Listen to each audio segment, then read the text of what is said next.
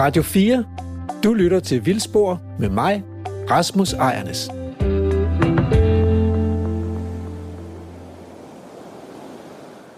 Nogle steder blæser det bare mere end andre. I Danmark er Vesterhavet det bedste sted at tage hen, hvis man har lyst til at blive blæst godt og grundigt igennem. Når det sådan rigtig blæser, holder det op med at være sjovt. Men mindre man hører til de allersejeste windsurfere, så er det der, man skal ud i de vilde bølger. Så viser havet tænder, og blæsten fyrer med sandet, så det hurtigt kommer til at knase mellem tænderne. Sandet trænger ind i hver en sprække og lægger sig i driver, som sneen i en snestorm. Og vinden bærer saltvand med sig ind over land, der lægger sig som fedtede hænder på vinduesglasset og bilruderne. Det har været den sejeste del af vores forfædre, som har bosat sig i dette landskab mod vest. Fiskere og klitbønder. Det var også i klitlandskabet i Thy, at Pontoppidan lod Lykkeper finde ro og fortrøstning i den sidste del af sit liv. Du lytter til Vildspor. Jeg hedder Rasmus Ejernes, og jeg forsker i Danmarks biodiversitet på Aarhus Universitet. Sammen med Emil Skovgaard Brandtoft og Lærke Sofie Gleup fra henholdsvis Naturhistorisk Museum i Aarhus og Folkeuniversitetet, inviterer jeg jer med ind i naturens verden. Det er ikke så let for de vilde planter og dyr i Danmark at få menneskene i tale. Vi har jo så travlt med alle vores vigtige gøremål, men lørdag formiddag kl. 10.05 sætter vi tiden i stå og åbner en kanal, som når helt ud fra klitterne og moserne og ind til køkkenerne og dagligstuerne i Danmark. I dag skal vi undersøge, hvordan naturen har det ude ved kysterne. Der er uler i mosen, for selvom den vilde natur skaber smukke hvide sandstrande og skønne klitheder, så truer den også med at nedbryde kystklinterne, begrave os i sand og oversvømme os med havvand. Lyt med, når Lærker Emil tager med biolog Roar Poulsen fra Aalborg Kommune ud i naturen ved Lønstrup Klint og hæng på, når jeg får besøg i studiet af en ung forsker, som selv har ligget på knæ ude i klitterne og talt planter. Der skulle en snegl på her. Det er mig, der er Rasmus Ejernes, og lige nu er Lærke Gleo Hansen og Emil Brandtoft fra Vildspor på reportage. Ja.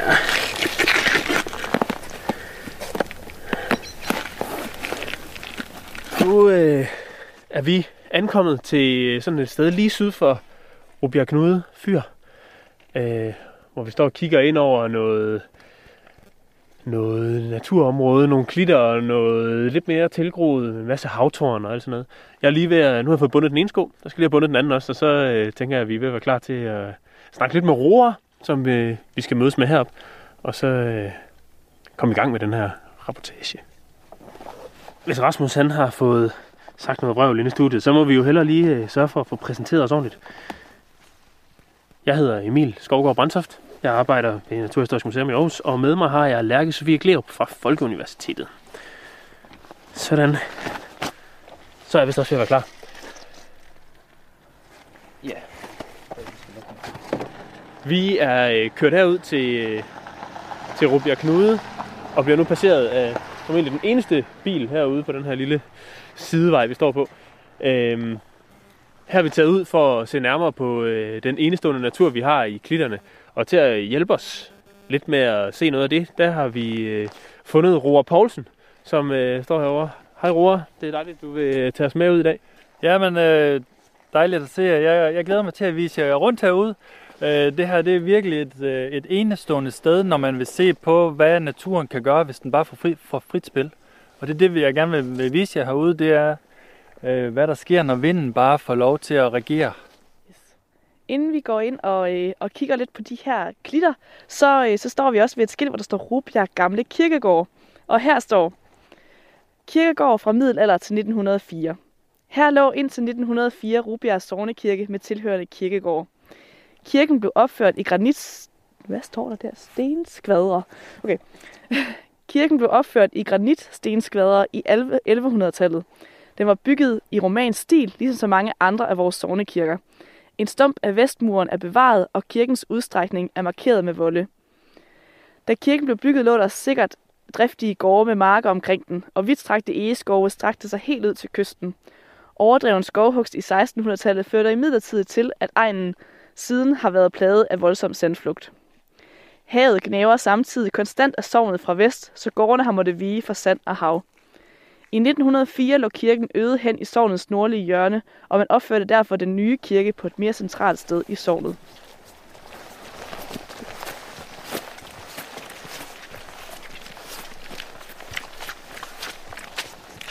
Jamen altså det vi kigger ud på nu, det er, at vi kigger ud mod vest, ud mod, ud mod havet, ud mod kysten. Men, øh, men det vi faktisk ser, det er øh, nogle store hvide sandklitter, som, som tårner sig op. Som tårner sig op på grund af, af, af vestenvindens haven. Det er, jo noget, det er jo noget af det, vi ellers mangler i den, øh, i den danske natur. Det er jo plads. Og så er det, at naturen bare kan få lov til at, at passe sig selv grundlæggende. Eller, eller det man også, øh, man kan også sige det sådan, at, at man har brug for, øh, at den frie dynamik fra frit spil, og at, at de naturlige processer, de får lov til at reagere. Og det der, det der er, der sker, når, når det får lov til at, at have og regere på den her måde, det er, at der skabes en masse, en masse levesteder for arter, som ellers ikke får plads i den danske natur. Og det er det, jeg håber på, at vi kan komme ud og, og finde nogle eksempler på nogle af de her små mosser og laver, som, som særligt findes ude, øh, ude i de her områder. Jeg tænker, at vi kan gå op her og så gå derud på spidsen derude. Øhm, fordi der kan man se det der flotte syn af, af altså havet på den ene side, og så mod nord, der er Robbjerg Knude. Øh, og øh, måske kan man lige se toppen af, af kirken, som lige er flyttet. Øhm, fordi naturen derude har fået lov til at gøre, hvad der passer den. Herude ved, ved Rubia Knude, hvor vi går nu, der, der er det jo, som Roar siger, at, øh, at vinden herver og flytter rundt på sandet og alt sådan noget. Det betyder, at det gamle Rubia Knude fyr var i fare for at drætte i havet simpelthen. Og øh, det er så stor en, øh, en attraktion, og så, øh, så flot et gammelt fyr, så det vil man gerne bevare og redde fra drukne døden, kan man sige. Så man fik en lokal entreprenør til at anlægge, øh, øh, jeg ved ikke, 70 meter, øh, 70 meter jernbane, han har sagt, ude i øh, klitterne herude, og så transporterede de det ellers ind i løbet af en formiddag. Flyttede de det, jeg tror det var 70 meter eller eller noget længere ind i landet, hvor det så er blevet plantet nu. Øh, men Roar, nu kom vi gående igennem det her, og jeg kunne ikke undgå at lægge mærke til, at der stikker kors op af jorden og alt muligt. Hvad er det for et sted, vi står på nu? Jamen altså, det er jo en, øh, den gamle kirkegård, øh, som, er, som er blevet forladt, sandsynligvis på grund af salt, sandflugt i, i tidligere tider. Øh, så øh, træd varsomt. Ja, så vi står altså her på noget, der er en, øh, en gammel kirkegård, og øh, som Emil også lige sagde, så stikker der kors op på jorden. Der er øh, gravsten omkring os. Der er også et, øh, et lille fint gammelt hegn her rundt om, øh, om en gammel grav, som nu er fuldstændig groet til i øh, stikkende buske. Man kan lige ane gravstenen herinde bagved. Så det er sådan lidt, øh, der er virkelig sådan en forladt stemning. Det er sådan lidt, øh, lidt specielt. Det er jo også det, der er herude, at øh, mennesker har jo altid på grund af det her hårde klima, og, de, og den her frie dynamik, der har fået lov at herske, det har de jo altid kæmpet mod.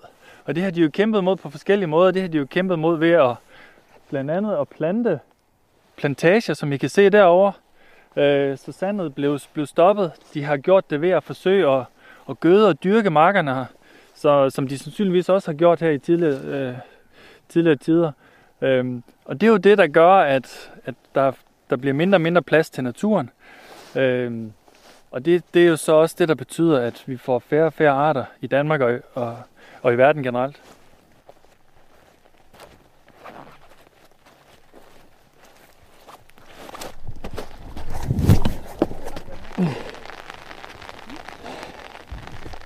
Nå, I så ikke, jeg væltede. Har væltet du? Yes, dejligt, I ikke så det. Det husker du lige at tage med, fordi øh, ja. når vi andre vi falder, så kommer det jo i radioen, har jeg fundet ud af. Øhm, her der ser vi så et stort fladt øh, område, som tidligere sandsynligvis har været dyrket øh, af hede, hede og klitbønder. Øhm, og det vi øh, går op mod nu, det er så, at vi går over mod øh, de store hvide klitter, hvor, hvor, øh, hvor dynamikken har fået, fået frit spil. Øh, og det vi kan se, det er, det er på overgangen, det er ligesom grænsen mellem der, hvor, hvor vinden har været, vinden er så kraftig, at, at det ligesom er de hvide klitter og sandet, der dominerer. Og så de her øh, buske, vi kan se derovre, havtårnen, som forsøger at binde sandet. Øhm, det, det ser man mange steder herude, øh, den der kamp mellem øh, vinden og sandet, og så planterne, der, der forsøger at kolonisere sandet. Og de, de arter, der er bedst til det, det dem kalder man pionerarter. Øhm, og de er særligt tilpasset til, til det her hårde øhm, og næringsfattige klima, der er herude. For eksempel havtornen, det er, det er en busk, som, øh, som så at sige øh, har sit eget næringsstof, sit eget kvælstof med. Den fixerer øh, luftens kvælstof, så den derved øh, kan leve på de her, de her arealer, der, hvor der er meget næringsfattigt. Den der gule, gulgrå, gulbrune plamage derovre i klitten, det er jo øh, en af vores øh, værste invasive arter, rynket rose, øh, som, øh, som faktisk er en fantastisk klitbinder, eller sandbinder. Men, men det, den så, det den gør, det er, at den binder sandet, så, den ligesom ikke, øh, så sandet ligesom ikke kan, kan få lov at, at have og agere, som, som det ellers naturligt gør. Og så gør den også det, at den, øh, den, den, øh, den vokser nogle steder, hvor laverne og mosserne ellers ville have vokset. Øh, så den, den, den, den fylder pladsen ud herude i de her, de her klitområder, så, så der ikke er så meget plads til de her andre arter, øh, som ellers hører naturligt hjemme i, i, i klitten. Nu kommer vi til øh, turens næste forhindring. Der er simpelthen endnu et hegn, vi skal over. Vi skal sikkert ud af den hegning, vi lige har gået ind i før.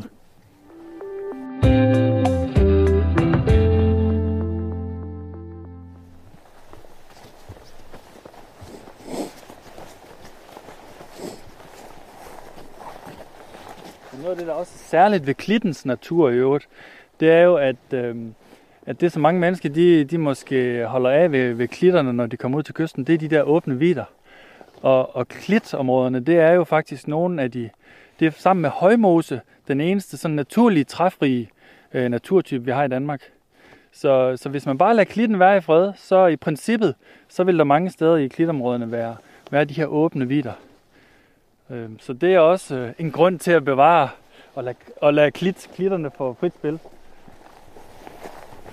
Ja, nu nærmer vi os de her... Vi kan jo se de her kæmpe store sandbjerge, der ligger her ved siden af, som jo bare er, bare er bart sand lige rundt om os på begge sider her. Med en masse øh, vegetation indimellem, kan man sige. Men hvad, Roar, hvis man kigger op i sådan et sted her op til højre for os her, ikke, hvor man kan se, der er det her høje, stejle skrænter her med bart sand. Ja. Og så er der øh, lidt til venstre, der står en masse sandhjelme, eller hvad det er, der sådan er, der ligesom sandsynligvis måske er plantet ud for at holde på sandet, eller i hvert fald har den effekt, at det holder på sandet. Men sådan et sted som det der, tror du, det er under tilgroning, eller er sand ved at sprede sig ind over, eller hvem, hvem tror du vinder kampen deroppe lige sådan her over de her, de her år? Jamen, altså, der er, jo, der er jo den der kamp mellem, mellem sandet og vinden hele tiden, og så de her sandbindere. Og nogle steder, der vinder, vinder vinden og sandet, og andre steder, der vinder de her sandbindere, hjelmen, eller øh, rynket rose, eller, eller havtårnen. Øhm, så, og, og det er jo også det, der gør, kan man sige, naturen rig og varieret herude. Det er jo, at der er alle, alle successionsstadier, som det hedder.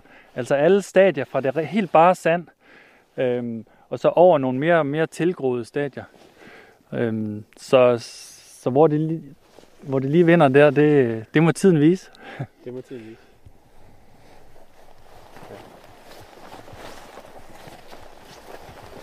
En anden grund til, at, øh, at, at klitområderne, de er så, at de er så rige på, på, på habitater og liv og natur, det er også, at der er en naturlig gradient, kan man sige, fra havet, hvor vinden kommer, og hvor der kommer næringssalte, og hvor der også kommer en vis mængde kalk, og så ind i baglandet, hvor der så bliver mindre og mindre af, af de her næringssalte og, og af vindpåvirkningen. Så det gør, at der er sådan en, en naturlig zonering øh, ude for kysten, hvor den hvide klit er yderst, og så længere ind, hvor det bliver mere og mere næringsfattigt og udvasket, hvor der så først kommer det, man kalder grønklitten eller grøntsværsklitten, som er sådan en meget urte- og lavrig øh, vegetation. Og så længere ind, hvor det er meget, meget næringsfattigt, hvor, der, hvor laverne de dominerer, hvor der er det, man kalder øh, gråklitten.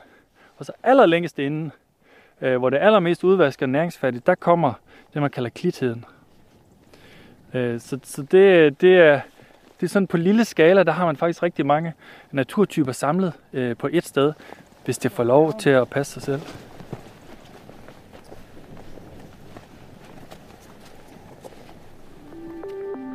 Du lytter til Vildspor med mig, Rasmus Ejernes.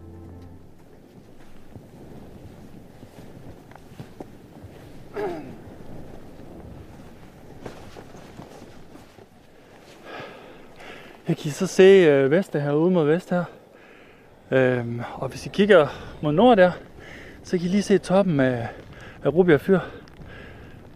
Kan I se det deroppe? Ja, ja. Vinder ud på. Ja. Og er ved at blive, allerede ved at blive dækket af nogle af de der, eller skygget af nogle af de der store sandklitter, som, øh, som på grund af vestenvinden vælter ind over, over landet mod øst. Og du ikke falder bagover. Ja, du skal ikke komme ud. Her gider jeg ikke at falde. ja, vi øh, er jo kommet her helt ud til, øh, til kysten nu. Vi har øh, det nærmeste grønblå Vesterhav her foran os. Og vi står og kigger ud over det her fantastiske klitlandskab, som, øh, som jeg personligt synes er, øh, er noget af det mest fantastiske, vi har i Danmark. Både udseendsmæssigt, men også øh, selvfølgelig naturmæssigt. Og øh, som Roar har fortalt, så er det jo simpelthen et, øh, et barsk landskab, hvor vi har øh, Rubjerg Knude her øh, på vores højre hånd, som øh, jo bevæger sig fuldstændig som den, øh, den lyster. Og vi kan lige ane Rubjerg Knude fyr i, øh, i togen herude bagved. Fyret, der lige er blevet flyttet her tilbage i oktober. Og ellers så, øh, jamen så, så er det jo bare øh, et fantastisk landskab. Jeg har selv tilbragt rigtig mange somre på stranden hernede, jeg vil sige, i, i noget bedre vejr, end vi står her i i dag. Og har fået is mange gange fra øh, fyrboligen heroppe. Fyret, den findes så ikke længere. Den har øh, sandet taget for længst, så nu er der altså kun fyret tilbage. Så det er også et, øh, et sted, der bringer minder for mig. Og jeg synes, det var fantastisk dengang som barn, og efter jeg blev biolog, så er det sådan set ikke blevet mindre fantastisk. Snart tværtimod. Ja, måske når I kigger derop på mod Råbjerg Knude, så, øh, så kan man også, øh, så er det rigtig fint illustreret den der kamp mellem naturen mod vest, og så øh, mennesket og kulturen mod øst. Fordi I kan jo se de der store tunger af sand, som øh, prøver på at, at bevæge sig ind mod øst. Men så bliver det stanset af de der tidligere dyrkede marker derovre. Og det bliver stanset af, af klit, øh, klitplantagen der, øh, længere mod nord. Så har vi også den rynkede rose, som vi har indført som en invasiv art, som også ligesom øh, øh, gør, at der er nogle af vores øh, hjemmehørende arter, som ikke rigtig får så meget plads. Den er indført øh, som, øh, som haveplante, prydplante, øh, tidligere, ja. Jamen det viser sig bare, at den øh, er rigtig godt tilpasset de her meget dynamiske øh, klitlandskaber, hvor, øh, for, fordi den har nogle rødder, der, der kan overleve i sand, og overleve og blive dækket til med sand, øh, så vokser den bare op igennem sandet. Øh, så den kan sådan set, den er, den, den er rigtig svær at få bugt med. Øh, så, så i dag så anbefaler man faktisk, at man ikke planter den længere, øh, fordi den udgør så stort et problem i nogle områder langs, langs klitterne. Øh, og når man står her, hvor vi står nu, så, øh, så er vi jo faktisk rigtig, rigtig højt op, selvom vi er faktisk næsten på kystlinjen. Øh, hvor, hvor høje er de her stejle skrænter, vi står på? Jamen, jeg, jeg, jeg mener, at øh, op omkring Råbjerg øh, Kirke, øh, nej, Råbjerg Fyr, der, der er vi over 70 meter. Øh, så det her, her, der er vi måske i hvert fald 50 meter over, over havets overflade. Og det er jo også noget, der er helt særligt for den danske, øh, det danske kystlandskab. Øh, det er lige her, det her strækning, den her strækning fra, især fra Hirtshals, syd for, lidt syd for Hirtshals, og så, og så hernede omkring, der har vi de her rigtig høje øh, klinter, Øh, fordi ellers langs den jyske vestkyst, der kender man jo de der lave øh, klitter, der, der går ind i landskabet. Så det er meget specielt her. Ja, det er meget, det er meget, meget imponerende landskab at se på, når man står. Selvom vi ikke kan se så langt i dag i, i togen og i småregn og, og kulde og sådan noget, så, så er det jo virkelig et fantastisk landskab, det må man bare sige. Og så er det, når man så, øh, vi, vi står så herude på den hvide klit, og som, som tidligere sagt, så, så er det relativt, et relativt artsfattigt øh, område. Men hvis man så bevæger sig længere ind i, i baglandet, der hvor der er mere næringsfattigt, hvor der er mere stabilt, øh, hvor sandet ikke hele tiden omlejes, så er det, at vi begynder at få de her små nøjsomme planter, mosserne og laverne. Især de her bærelaver, som vi er på jagt efter i dag, og rensdyrlaverne. Øh, så jeg håber, vi kan, vi kan komme til at se nogle af dem. Jamen, nu har vi jo øh, snakket lidt om, at det er et, øh, et ret særligt område, vi står i. Men Roar, hvordan, øh, hvorfor er det egentlig så specielt det her? Findes det ikke øh, mange steder, det vi står i nu? Altså, det findes jo en hel del steder langs den jyske vestkyst især. Øh, og så skulle man jo tro, sådan er det nok overalt i verden, men, men det er jo bare sådan, at Danmark har en særlig forpligtelse over for de her, øh, de her kystlandskaber, over for de her klitter, fordi vi faktisk har nogle af de største og mest velbevarede områder i hele, i hvert fald i hele Europa, i hele Vesteuropa. Øh, så det er en helt særlig øh, forpligtelse, vi har i hvert fald i Danmark til at, øh, at bevare vores klit, klitområder. Så det findes simpelthen øh, sådan på, på europæisk skala, der er det her simpelthen noget af det, det eneste, og i hvert fald det bedste af de her naturtyper. Helt sikkert. Altså områderne heroppe, især, især op øh, her omkring og også op omkring Skagen, det er nogle af de mest unikke steder i hele Vesteuropa, hvad, hvad angår sådan noget naturlig øh, klit, klitnatur. Mange faktisk af de her arter, som findes i klitten, øh, særligt af, af mosserne og især lavene, de, øh, de er truede sådan på europæisk plan. Øh, så derfor er det også igen derfor en særlig forpligtelse, vi har for at passe på at beskytte de her, de her store øh, klitområder, vi trods alt har tilbage. Du lytter til Radio 4 skal sige, her, her der kan man se den der konflikt, øh, der er mellem øh, naturen på den ene side, øh, hvor vi har klitterne og klitsystemerne, der, der skal have plads for, for at skabe øh, levesteder for, for de arter, som, øh, som er her på jorden. Og så på den anden side, over mod øst, der har vi øh, menneskerne og kulturen, hvor man kan se markerne, og man kan se plantagerne, som, øh, og man kan se sommerhusområderne. Altså øh, den del, hvor menneskerne udnytter, kan man sige, jordens ressourcer. Og den der balance mellem menneskets udnyttelse af jordens ressourcer, og så den, øh, det, der skal til for, at jordens øh, ressourcer og jo, jo, hele jorden, klodens øh, naturgrundlag kan overleve, den der balance, den skal vi prøve på at finde på ny. Der er måske tippet for meget over til, at menneskerne de udnytter jorden og jordens ressourcer for meget. Og det er jo noget af det, FN's 17 verdensmål, de, de sætter fokus på, at vi skal prøve på at finde en ny balance, så, øh, så jordens øh, naturgrundlag, det, det ligesom bliver, øh, bliver varetaget samtidig med, at menneskernes øh, liv kan udfolde sig på jorden det, det hænger også lidt sammen med, med, med det, man kalder de planetære grænser, øh, hvor, hvor forskere de har opstillet nogle, nogle grænser for, hvad jordens fysiske og biologiske system kan holde til. Og der har de forskellige øh, parametre, de kigger på. De har øh, for eksempel biodiversitet, de har øh, øh, næringsstoffer, de har øh, ozonlag, de har øh, øh, drivhusgasser.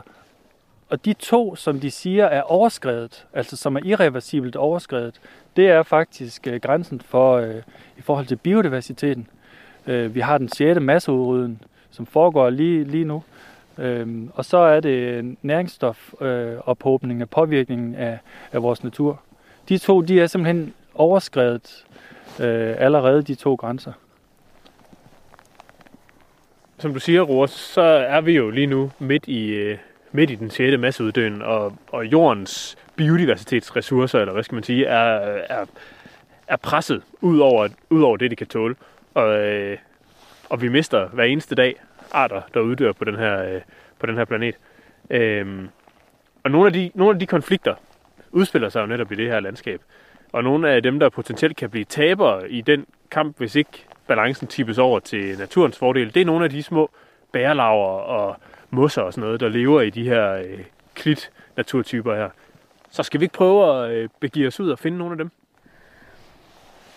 Men inden vi øh, kigger på de her mosser og laver, så kan vi også lige, øh, lige kommentere på, at øh, når det er sådan et dynamisk landskab, så, så giver det også nogle konflikter for, øh, for os mennesker.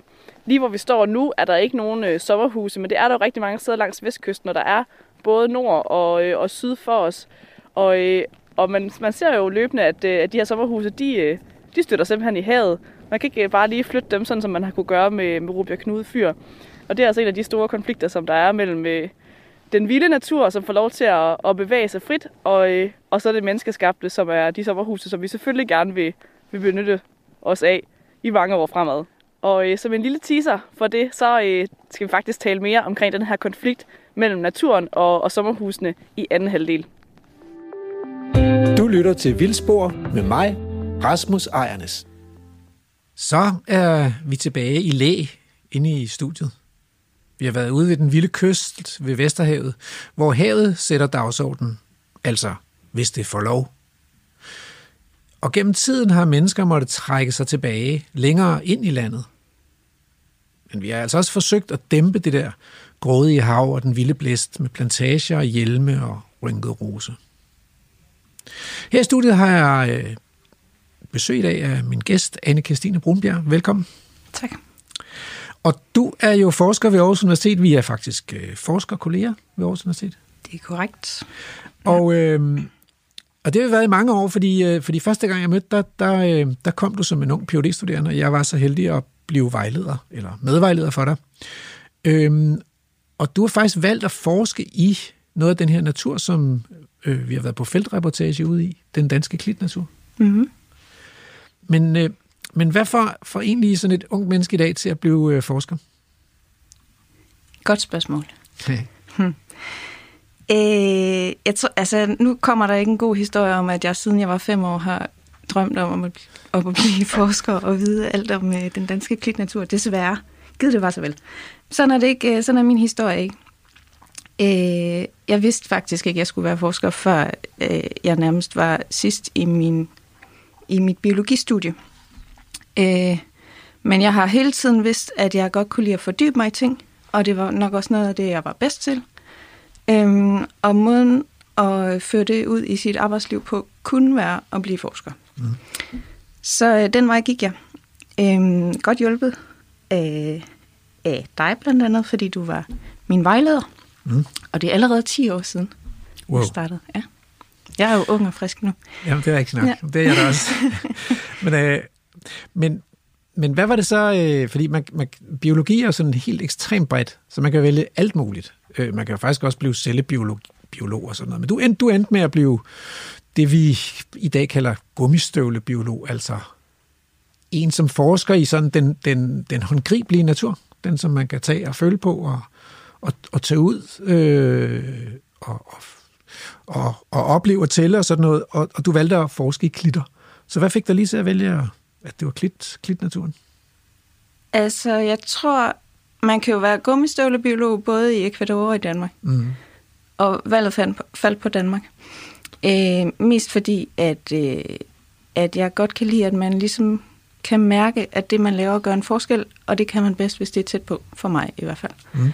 Ecuador, det er lidt abstrakt, selvom det er et fedt land. Mm. Mm. Så gummist, gummistøvlebiolog i Danmark. Øh, og så tror jeg også, at det gjorde en forskel, at... Øh, Ja, at man ikke bare sidder og kigger ind i en computer hele dagen. Det er så kommet til lidt mere efterhånden. Øh, sådan går det jo, men man har stadigvæk muligheden for at komme ud øh, og se, hvordan naturen rent faktisk arter sig. Øh, hvordan det foregår, observere det, og så prøve at forstå det bagefter hjemme bag computeren. Øh, så et lille spørgsmål. Hvad, hvad vil du gerne, hvem vil du gerne gøre en forskel for? Os alle sammen. Okay. Nej. øh, det er også et godt spørgsmål.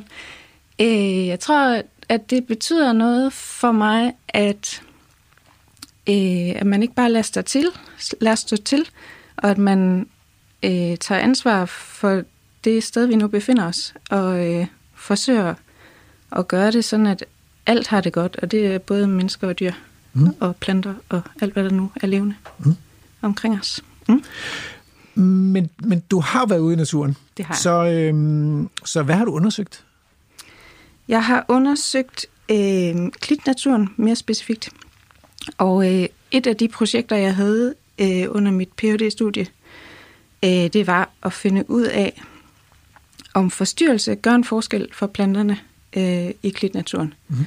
Og faktisk både forstyrrelse, men også næringsbelastningen i klitterne. Og, i- og, og i klitterne, hvor kommer det der næringsbelastning fra? Det kommer ovenfra, altså kvælstofnedfald, Ja. øh, for eksempel med nedbøren. Ja. Det kommer også fra øh, land, landbrugsområder, øh, ja, svinebedrifter for eksempel. Der er ret meget kvælstof, der fiser ud af dem. Og, og forstyrrelse, hvad kunne det være for noget? Altså ude i sådan klit? Altså, der er, jo, der er jo ligesom to typer af forstyrrelse. Der er den naturlige forstyrrelse, og så er den, der er den menneske, Ja. menneskeforstyrrelsen. Og naturligt kunne være... Det kunne være den øh, ret kraftige vind, som tit er ude ved vestkysten. Mm, Det er ret naturlig forstyrrelse. mm, Det kunne også være brand. Mm. Det anser man måske normalt som ikke så naturligt, men det er faktisk ret naturligt. Mm. Øh, det er ikke naturligt kommer ind, når vi begynder at slukke den mm. ret hurtigt. Fordi Og at det vi gør man jo. Have, det gør man jo, fordi, fordi man ikke vil have, at ting brænder ned omkring en. Der ligger lige en plantage, Ja. ja. eller sommerhusområde, eller noget. Det gør der altid.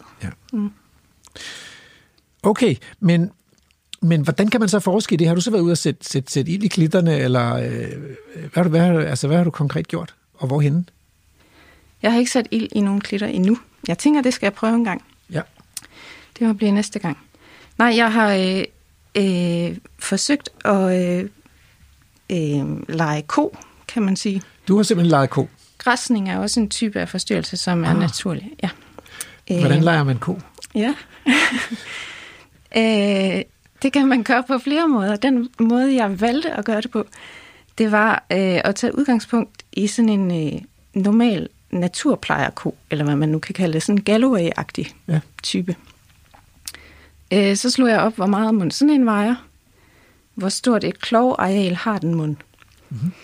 Øh, og øh, så forsøgte jeg at, at lave en øh, sådan en et, et trampningsaggregat, hvor vi, hvor vi savede en pind ud, som øh, havde et areal, øh, som svarede til den der klov, og så skulle jeg regne ud, hvor meget jeg vejede, hvis jeg trykkede på pinden. Mm. Øh, lagde al min vægt i og lavede ko. Øh, så, så vi ligesom fik en trampningsbelastning, som svarede til, hvis der gik en ko ude i klitten. Og så øh, det andet kø, køer jo også gør, det er at græsse, altså spise vegetationen. Ja. Øh, og det gjorde jeg ikke, men jeg klippede den ned. øh, så jeg klippede øh, al vegetationen ned til, øh, det ved jeg ikke, en, en to centimeter eller sådan noget. Mm. Øh, og tog det afklippede materiale med hjem. Så du har simpelthen lavet eksperimentelle behandlinger derude i, i klitten. Ja. Klipning og trampning. Ja. Og så øh, har vi også, øh, altså den, den tredje type af forstyrrelse, som jeg også nævnte, var øh, den her kraftige vind, som jo naturligt skaber vindbrud i klitterne. Øh, og vindbrud, som jeg også tror, Roar har fortalt, Mm. Mm. øhm, er jo en, en afblæsningsflade, hvor, hvor sandet bliver blotlagt, øhm, og vegetationen forsvinder eller bliver blæst til i sand, dækket i sand, øhm, hvor det så skaber nye levemuligheder for arter. Mm. Øh, så det forsøgte vi også med, altså hvor vi faktisk bare gravede græstørvene af mm. i de her områder. Radio 4 taler med Danmark. Vi gødede jo også nogle områder. Vil du høre om det? Ja, jeg vil godt høre, hvordan øh, de der næringsstoffer der, hvordan, øh, hvordan får man Ja. dem? Øh, det, jeg har båret utrolig mange liter vand ude i Tornby Klit. Det ligger lige syd for Hirtshals. Så det er i Jørgen Kommune, sådan set? Det er i Jørgen Kommune. Ja. Bum, ja. Det var et øh, vanvittigt regnestykke, fordi man skulle... I princippet skal man have dispensation til at, at gøde. Det må man ikke bare Mm. i klitområdet. Øh, det var noget med at regne ud, hvor meget kvælstof havde vi tænkt os at sprede ud, og hvor meget svarede det til i menneskeurin og hundeurin og sådan noget. Det viste sig, at det var ikke så meget. Så vi behøvede ikke nogen dispensation. Så det er, det er i virkeligheden værre, at, øh, at der kommer øh, 50 hundelufter om dagen, eller deres hund pisse ud i klitten. Lige præcis. Ja. Nej, men vi gødede også de her områder, eller i hvert fald nogle af dem, øh, med øh, kvælstof. Øh, bare opløst i vand. Sådan Ja. noget almindelig gødning, Ja. opløst i vand. Øh, og de fik gødning, eller hele, alle de her behandlinger foregik ligesom over tre år, øh, hvor man gentog behandlingerne tre gange om året.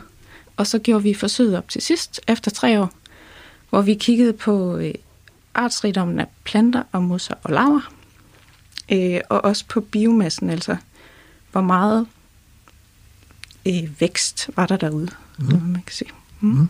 Og, og, og hvad får man ud af sådan noget? Altså, hvad, hvad, hvad kan man... Tre år, det er jo, det er jo del med lang tid, altså. Det er lang tid, Forskning, det tager tid. ja. Det gør det, og det kræver også, at man har nogle gode venner, der gider at køre med to timer ud og hjem til Hirtshals. Og det kræver en masse kage. Okay, og, øh, og, og, og hvad, hvad får man så ud af det? Altså, er det, er det virkelig noget, samfundet skal bruge penge på, sådan noget forskning der? Ja, det synes jeg da. Altså, det kan man jo have forskellige holdninger til. Ja. Mm, jeg har lært, altså jeg tror da, det er det, det projekt, jeg har lært mest af Mm. øh, i min øh, karriere indtil nu.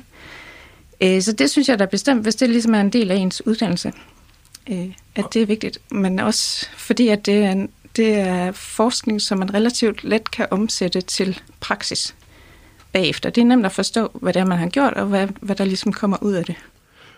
Og hvad, var så, hvad, hvad gjorde forstyrrelser og næringsstoffer så ved, ved vegetationen? Var det, var det skadeligt, eller var det gavnligt, eller hvad? Hvad skete der derude? Der var ret stor forskel på de to typer. Mm. Så forstyrrelse generelt med de forskellige typer øh, viste sig at være gavnligt. Det øgede antallet af plantearter. Mm.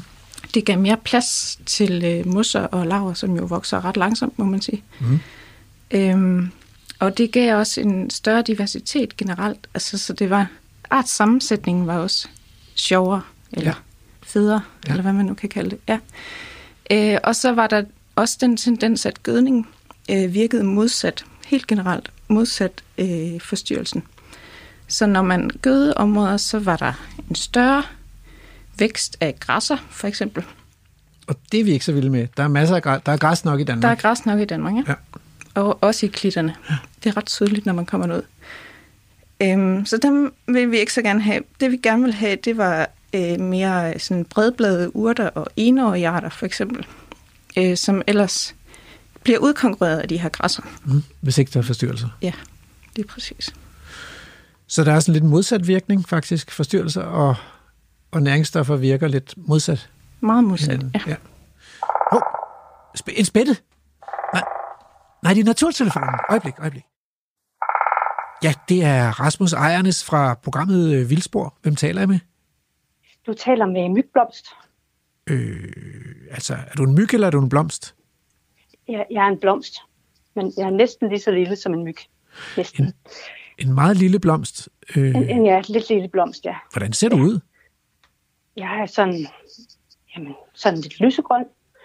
Og så, jeg bliver ikke så stor. Jeg er højst sådan en 15-20 cm høj. Aha. Og min, mine blomster, de er også grønne, så det er ikke sådan, fordi at, at jeg gør så meget væsen af mig. Man kan godt overse dig. Ja, det kan man godt. Hvad får dig til at ringe ind til Vildspor? Jo, altså, jamen, jeg synes ikke, jeg synes ikke rigtigt, at, at, at der er så mange af os mere. Det er som om, der ikke rigtig, der ikke rigtig er plads til os. Hvad, hvad, hvis du er så lille, så skal der vel ikke meget plads til?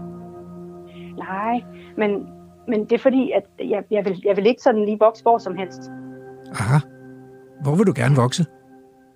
Jamen, jeg skal helst, jeg skal helst have det vådt. Og, og, og det skal ikke bare være hvilket som helst vand. Det skal være, der skal være noget grundvand, og der skal være masser af kalk i det, så har jeg det bedst. Aha, grundvand og Og så, kalk. og så bliver jeg jo ikke så høj, så, så hvis dem, jeg vokser sammen med, de andre planter, de bliver alt for høje, så, så kan lyset ikke nå ned til mig, så, ja, så, så forsvinder jeg. Aha, så du er sådan lidt sart kredsen type. Ja, det kan man godt sige. Altså det, altså, det er jo ikke fordi, jeg kræver så meget. Jeg skal for eksempel ikke have ret mange næringsstoffer. Det skal jeg faktisk helst ikke have for meget af. Nøjsom. Men, men hvor kan man finde dig henne? Altså, du siger, der er ikke så mange tilbage af jer. Nej, det kan man sige. Vi vokser, vi, jeg tror kun, der er en sådan en, omkring 15 forskellige steder i landet, hvor man kan, kan se os. Det er sådan nogle steder, hvor der kommer en masse dejligt kalkrigt grundvand ud, Kan du, hvor der kan, er rigtig næringsfattigt. kan, sådan kan, du, kan du Sådan nævne et sted? for rigkær. Kan du nævne et sted, eller er det, er det hemmeligt? Nej, det er ikke hemmeligt. Jamen for eksempel så er der jo, står vi nede på, på Helmes Made på Fyn, Mm. eller i Urupdam på Fyn. Men man kan også finde os op i Nordjylland, det der hedder Vandplasken. Sagde du vandplasken? Ja. Det lyder enormt Er det sjovt. ikke et dejligt navn? Jo. Jamen det er... I Nordjylland, siger du? Det skulle vel ikke være Ja. Jørgen Kommune? Åh, oh, det tror jeg nok, det er. Ej, hvor sjovt. Vi har, vi har lige Jørgen, ja. Jørgen på programmet i dag. Har du sådan et, øh, har du et ønske til os mennesker, eller hvad kan vi gøre for dig? Jamen altså, jeg ville jo ønske, at, at de ville lade være med at fjerne, fjerne grundvandet fra de steder, hvor vi kunne være. Men det, Så, der er vel ikke nogen, der går og fjerner grundvandet? Oh, når nu man graver grøfter og lægger dræn og sådan noget, så fjerner man grundvandet fra overfladen. Så bliver det tørret ud. Og hvis der så ovenikøbet også kommer næringsstoffer til, så, så bliver det helt håbløst for, for sådan nogen som mygblomster være et sted. Nå, så du bryder dig heller ikke om næringsstoffer? Altså, vi har også Ej, lige nogle, jeg nogle problemer med nogle klitter. De vil heller ikke have næringsstoffer. Det, Nej. Nå. Nej, altså man kan sige, næringsstofferne, de gør jo bare, at der er nogle andre, som nogle større planter, der kommer til. Og, og så bliver der ikke plads til os små. Men, men hør nu, Mygblomst. Altså, vi skal jo også have noget vand at drikke. Så, så Ja. vi skal jo også bruge noget grundvand. Kan vi, kan vi finde, finde en, en deleordning? Det kan man jo godt, man kan jo tage Ja, altså. Og det er du ikke meget for. Nej, jo. Altså, vi skal jo være her alle sammen, kan man sige. Men hvis man, hvis man, kan sige, hvis man lader være med at fjerne grundvandet på overfladen, så, Nå ja. så er vi sådan set, så er Mygblomst sådan set tilfreds. Okay. Så i første omgang, der kan man jo lade være med at lave alt det der drænrør og grøfter. Ah, Og så er, vi, øh, så er der mange steder, hvor der kunne være mere grundvand på overfladen, og hvor der også så stadigvæk kunne være grundvand til menneskene at drikke. så hvis vi bare lader vandet plaske i vandplasken og andre steder på overfladen, så, så må vi også godt tage noget drikkevand op af grundvandsmagasinerne. Er det sådan, jeg skal forstå det? Ja, sådan. Okay, så tror jeg, at der er grundlag for en aftale. Og vi lader det gå videre til øh, Vildsborgs lyttere. Tak skal du have, fordi du ringede ind. Velkommen. Ha' en god dag. I lige måde.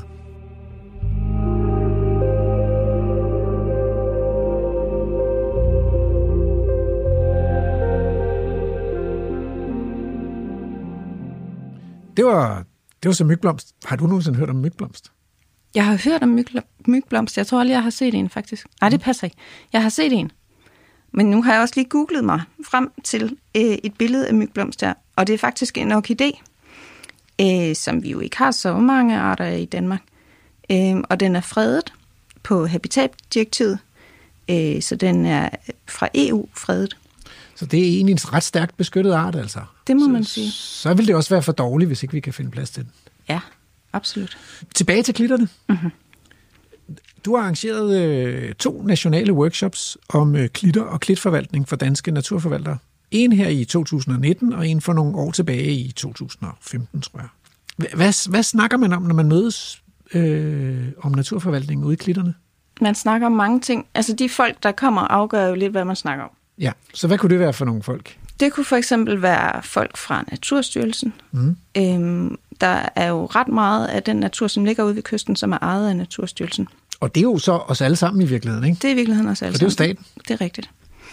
Så dem er der forholdsvis mange af, øh, og de har en ret stor stemme, når det gælder klitnatur, kan man sige. Mm. Så er der nogle fra kystkommunerne.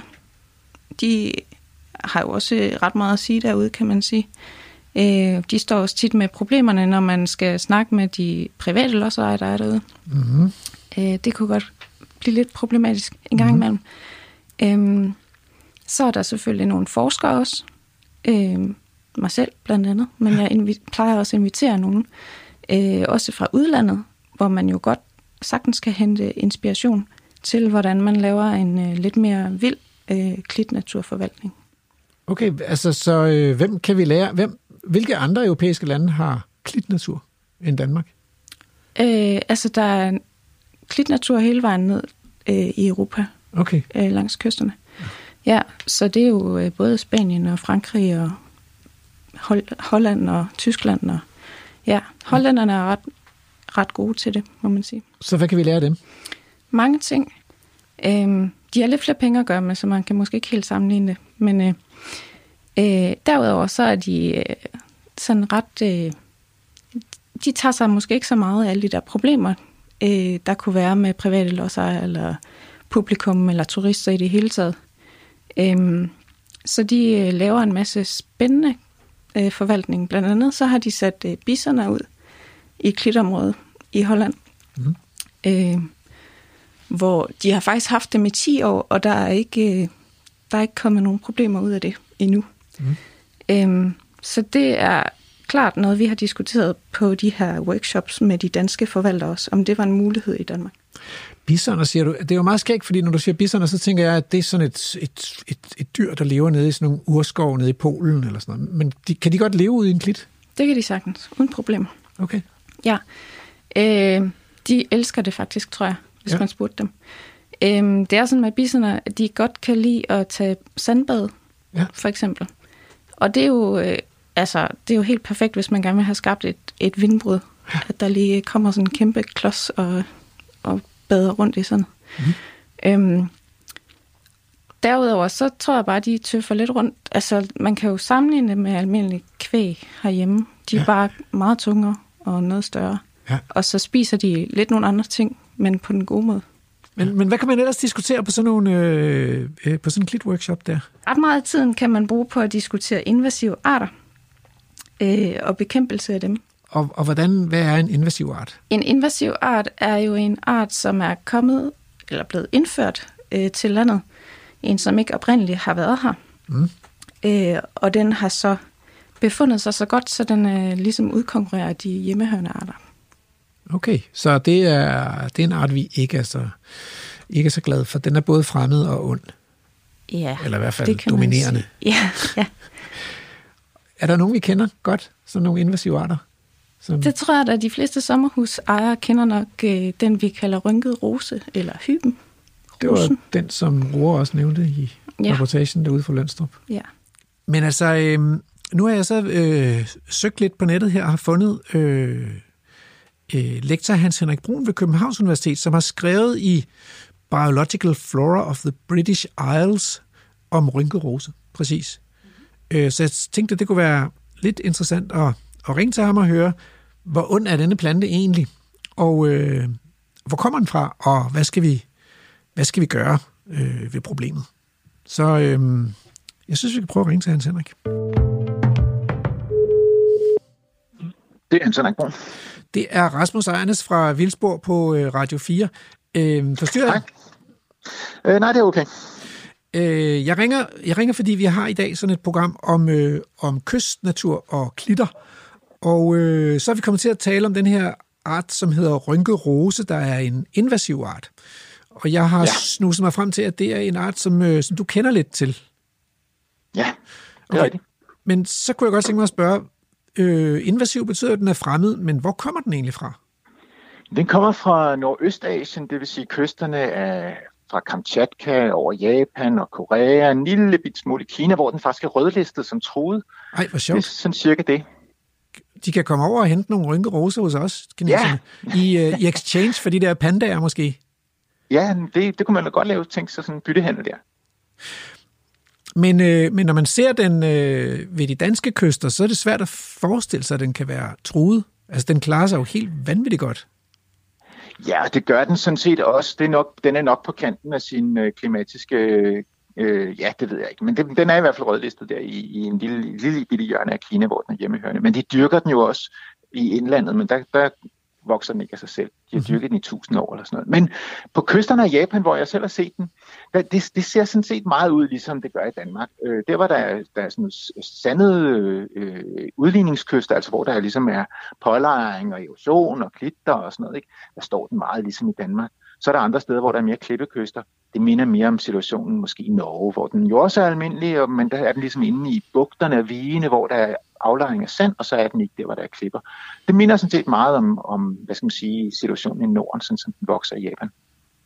Okay, så det er ikke fordi, den er, den- den, er, er blevet til et, forvandlet til et bæst af at, at komme til Danmark. Nej, det ser, det ser meget lige sådan ud. Det, jeg tror, øh, når vi ikke har havde den fra naturens ånd, så var det, fordi vejen var for lang.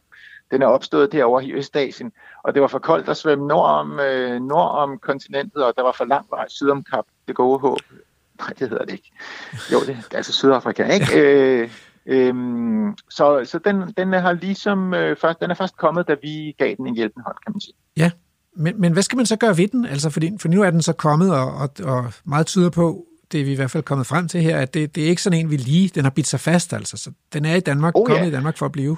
Den forsvinder ikke af sig selv. Men kan, vi, ud, kan vi udrydde den, Øh, Der er altså? noget, der tyder på, at måske der var den, den, den, den ligesom så mange andre klitplanter, øh, så det er jo en rigtig klit- og strandplante. Den er ikke i indlandet i Japan, den er kun på kysten. Mm. Øh, og den er, øh, de bruger den, de, de planter den simpelthen også, øh, fordi de synes også, den er flot, og den har også en vis mytologisk status og sådan noget. Hamanas, som den hedder på japansk. Øh, den øh, kan godt lide forstyrrelse. Den kan godt lide, at, øh, at bliver rodet, lejet, lejet sand ovenpå. Den kan tåle, at der kommer sådan 10, 20, 30, 40 cm sand ovenpå den. Og dens, øh, dens væsentligste spredningsmekanisme, det er, at øh, vinterstormen øh, øh, flytter rundt på stykker af dens jordstængler, som er nede i sandet. Den sygen, og også selve frøene kan jo også flyde i, et års tid, eller sådan noget, så de har en fantastisk flydeevne. Men, men det er øh, især de der rhizomstykker der, som, øh, som bliver flyttet rundt med havstrømmene. Og det er den jo utrolig god til at blive spredt på den måde, og kan tåle rigtig meget slid og silitage. Men der hvor, der, hvor klitterne bliver fixeret og stabile og sådan noget, Mm, der ser det lidt ud, som om den går lidt sådan i stå. Altså ligesom så mange andre klitplanter, så kan den godt lide den der, det friske sand, der kommer ovenpå. Så i løbet af nogle årtier, så ser det ud, som om krattene bliver sådan lidt senile i det. Hmm. Så jeg tænker, jeg tænker at øh, den, den gør jo lidt det samme, som havtorn også gør. Det er jo en hjemmehørende art, som hører til i vores del af verden. Øh, og den laver også tætte krat, som man bare ikke ønsker sig at skulle gå igennem med, med shorts på. Øh, og, øh, og de bliver jo også de, de bliver jo også senile efterhånden, og så, så tynder det ud i dem. Vi mangler måske også nogle af de ting, som, som kunne holde de her krat, kratretvækster lidt i skak. Øh, og hvis vi ser på, øh, hvad, hvad er de to ting, som kan få dem til at syne hen, så er det jo, at der vokser træer henover. Det er ikke så almindeligt ude i klitterne. Den anden ting er, at der kommer nogle store herbivorer og holder dem lidt nede, Undskyld, når, undskyld, øh, lige, lige, når de er, her, når lige, de er i den der sen- senile fase. Ikke? øh, herbivor, Hans Henrik. Ja, herbivore, det er jo ikke snudebiller, jeg snakker om. Det er vildheste og, og urokser og sådan noget. Ja, store planteædende dyr. Vi har været rundt om dem. Bisserne også hører også til i. Ja. Så det vil være dit bedste bud. Det, det er i virkeligheden, at man, ikke skal, at man ikke skal mosle rundt i sandet, for det kan rosen godt lide, men at man måske skulle skaffe sig nogle vilde heste og bisserne. Ja, dem kan man jo efter, deres effekt kan man jo efterligne med maskiner, øh, men, men det er med med øh, Sisyfos arbejde, ikke? Øh, og, de, de, og det, der er folk, der skal have løn for det.